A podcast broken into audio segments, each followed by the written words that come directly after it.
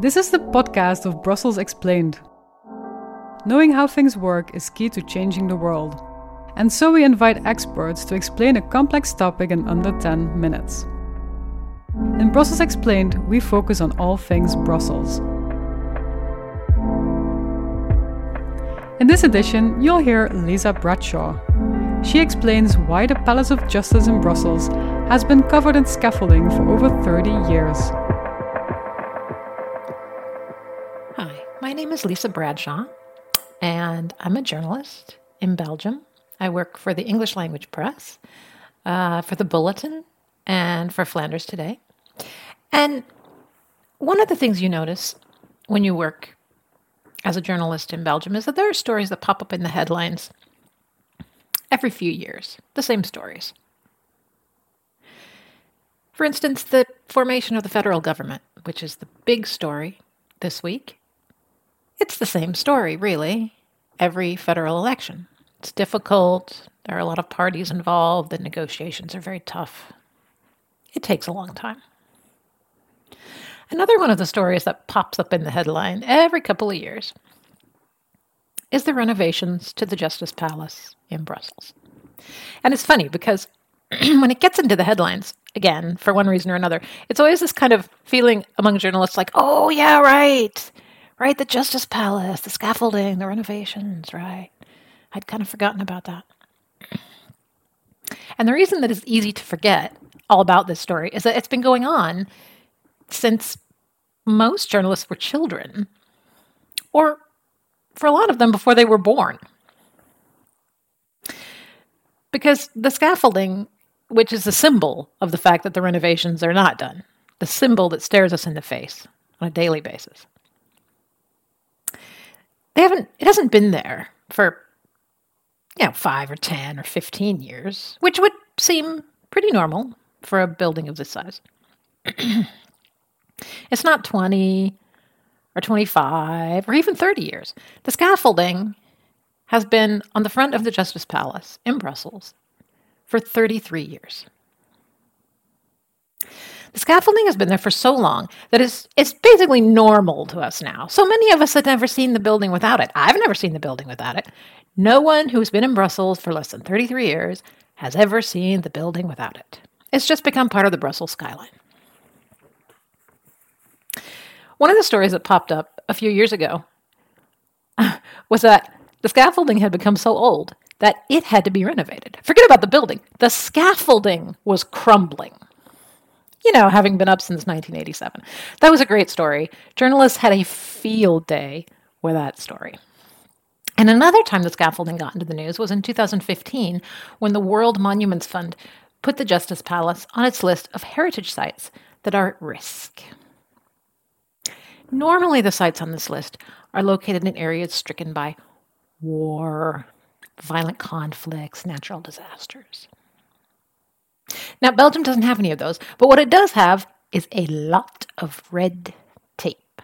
So while I would love to give you a quick and simple answer as to why this beautiful historical building has been hidden away behind scaffolding for 33 years, I can't. We need a simple answer because we've only got about another seven minutes to go. But uh, like Belgium itself, it's complicated. When we look at the history of the renovations for the Justice Palace, there's basically there's kind of two main issues that recur. A lack of a long-term vision and an abundance of people, government agencies, heritage agencies, architects, restoration contractors. And at this point, it's not just about how it looks. The interior of the building is also in need of restoration to the point where the Justice Palace can be a dangerous place Stones are crumbling, floors give way, parts of ceilings have come crashing down. There are water leaks, and this has led to, of course, mold. Bad for the building, bad for the people who work there. So let's take a look at the history of the Justice Palace. It was built in the 19th century, 1866 to 1883. That's 17 years, by the way, to build the entire thing in the 19th century. Puts those renovations even more into perspective, doesn't it? In any case, it was designed in an eclectic style by architect uh, Joseph Poelaert. Place Poelaert, where the building is located, is named after him. So when it was built, it was the largest building in Europe and the largest courthouse in the world. And it still is the largest courthouse in the world. It is 104 meters high and it has a surface area of 26,000 square meters. It's also built on various levels, you know, sort of on a hill. So the entryways in the front are not on the same floor as the entryways in the back. Part of the building was destroyed during the Second World War and rebuilt, including that magnificent cupola at the center, that dome. In fact, the new dome is much more spectacular. It has a nicer shape than the original dome. The Justice Palace is a protected monument, so not just anyone can carry out renovations on it. You have to be specialized in working with historical buildings. And there have been res- renovations that have been completed on this building. In fact, quite a lot. That, that central dome, for instance, that was renovated in 2002. And it looks gorgeous. So this was progress. Also, much of the flat roofing of the Justice Palace has been renovated in two phases over several years. So it's not like nothing has ever been done. To be fair, there have been some significant renovations carried out. So the question is why not everything by now? The walls, the facades, still left to do. Now, they can't all be carried out at once, partially because there'd be too much activity going on at one time. People would get in each other's way, but also because of the cost. This is one of the main reasons why the renovations are taking so long. Projects of this size have to be put out to public bid.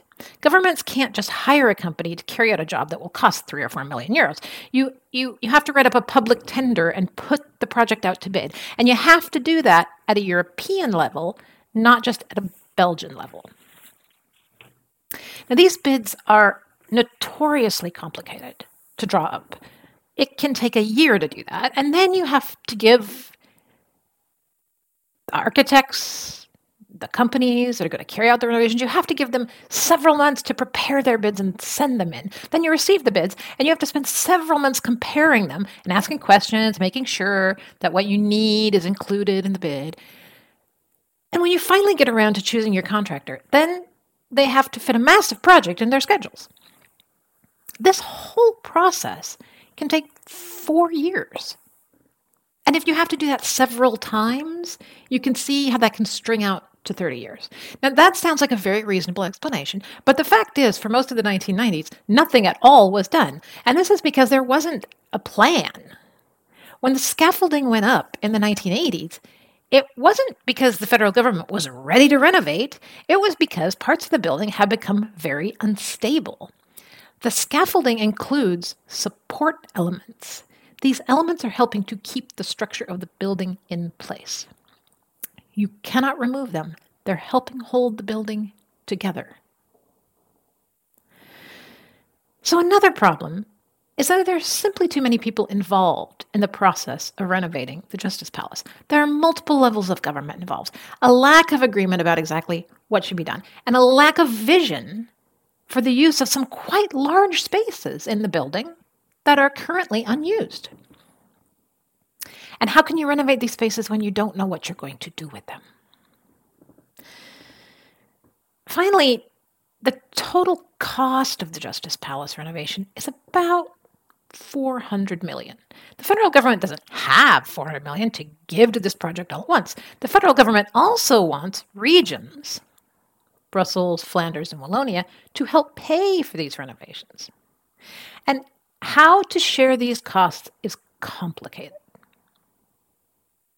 There are some justices working in the building who think that the reason the renovations have not been a priority is that the federal government is made up mostly of officials from Flanders and Wallonia, and they have less interest in this structure than they do in courthouses in their own regions, where they have built very striking courthouses from the ground up over the last 30 years.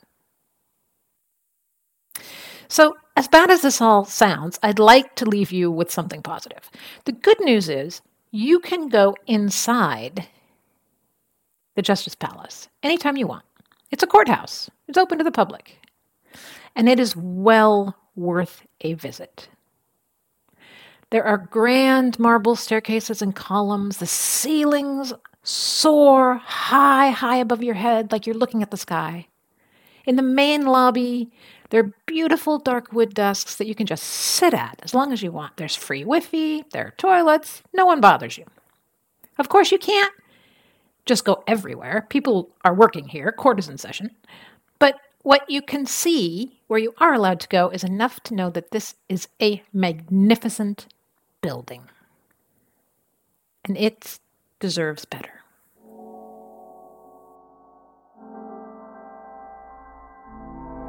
Thank you for listening to Brussels Explained. My name is Selma Franssen, and Brussels Explained is brought to you by Curieus, De Buren, and the Brussels Bulletin. This podcast was produced by Elena Schmitz. Brussels Explained is the English language Brussels focused version of Moeilijke Dingen Makkelijk Uitgelegd. Follow Moeilijke Dingen Makkelijk Uitgelegd on Facebook to find out about upcoming editions of Brussels Explained.